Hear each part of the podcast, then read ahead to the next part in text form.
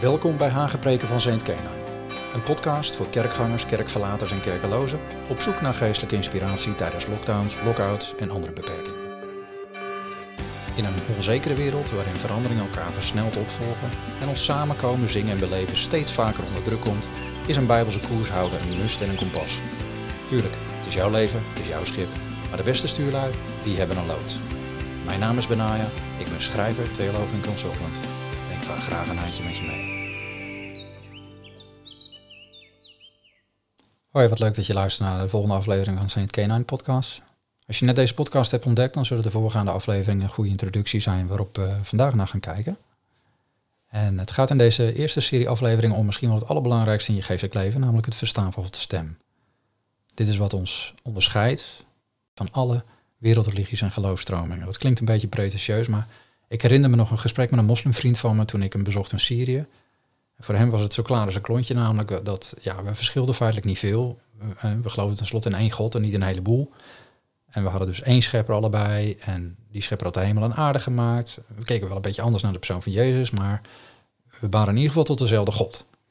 Nou, daar had ik een heel theologisch en historisch debat van kunnen maken, maar ik besloot hem iets anders in te steken. Ik zei, ja, maar dat klopt. We bidden allemaal tot God, maar het verschil tussen jou en mij is, bij mij praat hij terug. Nou, dat schokte hem gigantisch. Hij had echt zoiets van, oh, haram, hè, dat kan niet. Uh, want ik was geen profeet natuurlijk. Maar dit is wel wat Jezus ons vertelde toen hij zei, mijn schapen verstaan mijn stem. En dat hebben we vorige keer hebben we het erover gehad, Johannes 10, vers 27. En als je op deze podcast hebt geklikt omdat je graag Gods stem wilt leren verstaan, dan is dat de eerste bemoediging die je, die je krijgt. Je kan hem horen, tenminste als hij jouw herder is. En wat betekent dat? Dat betekent eigenlijk heel simpel dat je erkent dat hij je alleen kan redden van een leven dat gedoemd is om bol te staan van de zonde en de gevolgen daarvan. Oftewel dat je niet de insteek neemt zoals heel veel mensen in deze wereld. Ik ben een goed mens en als ik heel hard mijn best doe en schouders eronder, dan wil het wel een eindje. Nee, een christen is iemand die zegt, ik red het niet. Ik heb God nodig om God te bereiken. En omdat jij je dat realiseert, dat hij de prijs voor jouw zonde heeft betaald, besef je dat je daarmee ook zegt, Heer, u bent Heer geworden van mijn leven. U hebt het voor het zeggen. En doordat jouw leven hem toebehoort nu, de Bijbel zegt dat, dat hij ons heeft gekocht en betaald, of de sta, staatvertelling zegt duur gekocht, heeft hij dus nog meer baat erbij dat jij zijn stem kan horen en verstaan, als dat jij dat zelf hebt. En dat is belangrijk om te beseffen. En dit is ook de reden dat het eerste schriftgedeelte dat de Joodse kinderen leren, de zogenaamde Shema, datzelfde zegt. Deuteronomium 6 vers 4. Shema Yisrael, Adonai Eloheinu, Adonai Echad. Hoor, o Israël, de Heere onze God, de Heere is één God. Net als wat Jezus voortdurend zei, wie een oor heeft om te horen, laat hem horen. Hoor, o Israël. Het boeiende is dat de kinderen van Israël dus met de paplepel wordt ingegoten om te horen. Waarom? Omdat God spreekt. En als hij spreekt, gebeuren de dingen. En de eerste aflevering vertelde ik al dat God sprak aan het begin van de schepping. En dat de eerste functie van God spreken creatie is, niet communicatie. Er was namelijk niemand tot wie hij sprak. Hij zei, hij zei licht en er was licht. Creëren is iets maken wat nog niet bestaat. Het is iets maken wat nog ontbreekt of wat nodig is. Waarom? Omdat God niet iets schiep om iets beter te maken. Dat zou namelijk betekenen dat wat hij daarvoor had geschapen niet goed was of niet af was. Wat hij schept is goed, is compleet, is af. Hij schept er hoogstens nog iets bij om het goed te versterken tot zeer goed bijvoorbeeld. En zoals Aram, die, die, eh, die zag overal uh, dieren met een maatje en dat had hij niet. En toen zei God, nou, ik ga je eerst eens even in de rust brengen. Hij viel in slaap. En toen creëerde hij iets wat niet alleen goed was, maar dat was zeer goed. Nog beter als goed. En dat was de vrouw die die maakte voor Adam, Eva. Nou, misschien iets voor uh, mensen die ook een maandje zoeken. Misschien wil God je eerst even een stukje rust brengen. In plaats van dat je in paniek raakt. Maar goed, dat is een andere podcast waarschijnlijk. Maar daarom is het ook zo dat als je zijn stem leert verstaan, dan kan hij dingen in je leven brengen om je leven goed te maken. Goede dingen. Het is boeiend dat uh, Jezus in datzelfde gedeelte zegt toen hij het over zijn schapen had. Dat hij zei, ik en de Vader zijn één. Johannes 10 vers 30. Oftewel, hij is de schepper. Zijn woorden hebben scheppingskracht in ons leven. Als je dat beseft, dan begrijp je ook waarom Johannes in het begin van het evangelie van Johannes zegt, in het begin was het woord en het woord was bij God en het woord was God. Dit was in het begin bij God. Alle dingen zijn door het woord gemaakt En zonder dit woord is geen ding gemaakt dat gemaakt is. Het levende woord. Dat zegt ook het volgende vers dan. Het woord was het leven. En het leven was het licht van de mensen. En dat licht schijnt in de duisternis en de duisternis heeft het niet begrepen. En dit is zo enorm krachtig. Niet alleen onderstreept dit Jezus' actieve rol als schepper. Het vertelt ons ook dat de enige hoop op een bovennatuurlijke bemoeienis en verandering in ons leven het woord van God is. Het woord wat levend in ons wordt. En dat is een belangrijk gegeven om, om de eerste manier waarop God tot ons spreekt te begrijpen. God en zijn woord zijn één. Dat is één en hetzelfde. Misschien heb je ooit wel eens gehoord van het gezegde, een man, een man, een woord, een woord. Nou, dat betekent dat als een man zijn woord geeft, of misschien als de, als de ideale man zijn woord geeft, dat je erop kan rekenen. Dan kun je boeken. Anders gezegd, een echte man kan worden herkend aan het feit dat hij zijn woord houdt. Je kunt jou vragen, bestaan die überhaupt nog? Eh, ehm, een man, een man, een woord, een woord. De Bijbel zegt feitelijk onze God, onze God. Zijn woord, zijn woord. Dat is één en hetzelfde. En dat is hoe God allereerst tot ons wil spreken, door wat is opgetekend. We vergeten vaak dat God al heel veel dingen heeft gezegd, die al gelden en die al levend kunnen worden in ons leven. En de profeet Micha zegt bijvoorbeeld, hij heeft u mens bekendgemaakt wat goed is. En wat vraagt de Heer van u anders dan recht te doen, goede tierenheid lief te hebben en oudmoedig te wandelen met uw God? Micha 6 vers 8. Nou, dat is wel herkenbaar, want heel veel mensen bidden voor dingen die God al lang heeft bekendgemaakt. Een mooi voorbeeld is bijvoorbeeld dat, dat mensen zeggen van in een gebed, wilt u met ons meegaan, Heer? Nou, dat is een gebed wat je eigenlijk niet hoeft te bidden, want de Heer heeft het al lang gegarandeerd. Hij zei namelijk, ik, ik ben met je tot aan het einde van de wereld, hè, Matthäus 28. En hij zei ook, ik, ik zal je beslist niet loslaten, ik zal je beslist niet verlaten, Hebreeën 13. Zoveel dingen heeft hij al gezegd. handelingen spreekt ook over, in hem leven wij, bewegen wij en hebben wij ons wezen. Je kunt hem niet ontsnappen, hij is altijd bij je. David zei van, uh, zo mooi in die oude vertaling, al zou ik uh, afgaan tot het dodenrijk, maak ik het dodenrijk tot mijn sponde, gij zijt daar. je kunt het zo gek niet verzinnen, God gaat met je mee, God is erbij. Je kunt hem wel danken daarvoor, maar je hoeft het niet te bidden. Dat heeft hij je al bekendgemaakt. Nou, zo zijn er wel meer dingen. Ik spreek ook wel eens mensen die zeggen nou, sommige dingen die moet je dan opgeven, ja, maar wat gebeurt er dan? En God heeft al gezegd van, joh, dat krijg je terug. Heel veel dingen die je opgeeft. Hè. Zoek eerst het koninkrijk en zijn gerechtigheid. En al het andere zal u bovendien geschonken worden. De dingen die je nu najaagt, dat krijg je er sowieso bij. Maar ga nou eerst eens naar het koninkrijk van God kijken. Ga dat eens zoeken. En Jezus zei ook van, uh, er is niemand die huis of ouders of broers hè, of, bezittingen verlaten heeft om het koninkrijk van God, die het niet veelvoudig zal terugontvangen in deze tijd, staat er. En het leven dat de wereld die komt, eh, het eeuwige leven. Maar in deze tijd krijg je al dingen terug. Dat lees je in Lucas 18. Maar als je het woord tot je neemt en het leest en het tot je neemt, leer je God kennen. En leer je zijn stem herkennen ook, want hij spreekt zichzelf niet tegen. Onze God, onze God, zijn woord, zijn woord. Het kan ook zijn dat je Gods stem probeert te horen, namelijk over iets wat je zelf heel graag wil, en dan wordt het horen van zijn stem een soort goedkeuring, een soort verlengstuk van je eigen verlangens. Je kan bijvoorbeeld uh, smoor verliefd zijn op iemand, uh, alleen die persoon die kent God niet. En die heeft ook geen verlangen of interesse om hem te kennen. Maar ja, je houdt zoveel van elkaar. Het voelt zo goed. En in je gebeden kan je dan gaan zoeken naar een duimpje omhoog van God. En dan garandeer ik je, als je lang genoeg je verlangen blijft voeden, dan zal je menen dat God gewoon ja, het allerbelangrijkste vindt dat mensen van elkaar houden eh, en dat ze gelukkig zijn. Alsof het in de Bijbel staat. Nou, het klinkt een beetje apart, maar het heeft mij altijd verbaasd hoe mensen ineens een filter over de Bijbel kunnen gaan heenleggen. Hoewel er hele duidelijke waarschuwingen in zowel het Oude als het Nieuwe Testament staan voor Gods kinderen om geen verbond aan te gaan met mensen die God niet kennen. Of die hem niet tot Heer hebben gemaakt van hun leven. En ineens maakt het niet meer uit. We weten ergens, er staat een, een tekst, vorm geen ongelijk span met ongelovigen. En dat staat er niet om ons te pesten. Het staat er om te zorgen dat er geen kink in de kabel komt van je relatie met God als vader. Lees maar na, 2 Korinthe vers 14. Maar dat geldt dan in één keer niet meer.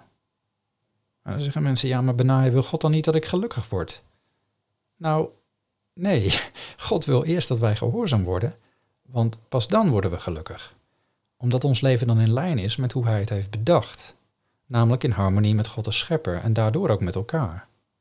En de Bijbel waarschuwt ook in Jacobus 4 van, u bidt wel, maar u ontvangt niet omdat u verkeerd bidt, met het doel het in uw hartstochten door te brengen. Het zegt zelfs heel expliciet wie dan een vriend van de wereld wil zijn, wordt, wordt als vijand van God aangemerkt. Dus ja, wees voorzichtig hoe je Gods stem ook probeert te verstaan. Je kunt dat niet loszien van de Bijbel. misschien een goed punt om het nog een keer eh, een latere serie over relaties te doen, maar dit is wel hoe God is, zijn woord. Het woord is God. Het belangrijkste punt is dus, opnieuw, lees je Bijbel, bid elke dag. Heel simpel. Waarom?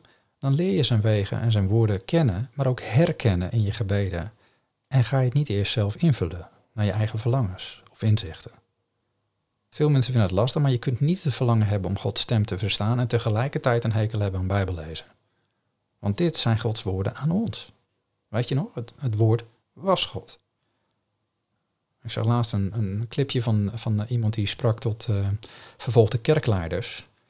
En dan valt hij weer op dat in vervolgde landen doen ze er alles aan om een Bijbel te bemachtigen, of in ieder geval een gedeelte ervan.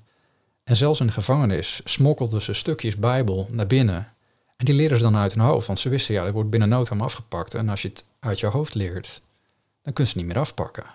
Die mensen die begrepen wat Johannes schreef, in het woord was het leven en het leven was het licht van de mensen. En dat schijnt in de duisternis en de duisternis die snapt er niks van. En die mensen die koesterden die woorden omdat ze in de gevangenis zaten of in de verdrukking zaten, alsof het brieven waren van hun geliefde. Ergens is het ook mooi, want brieven van een geliefde die er niet meer is, die hebben een enorme waarde.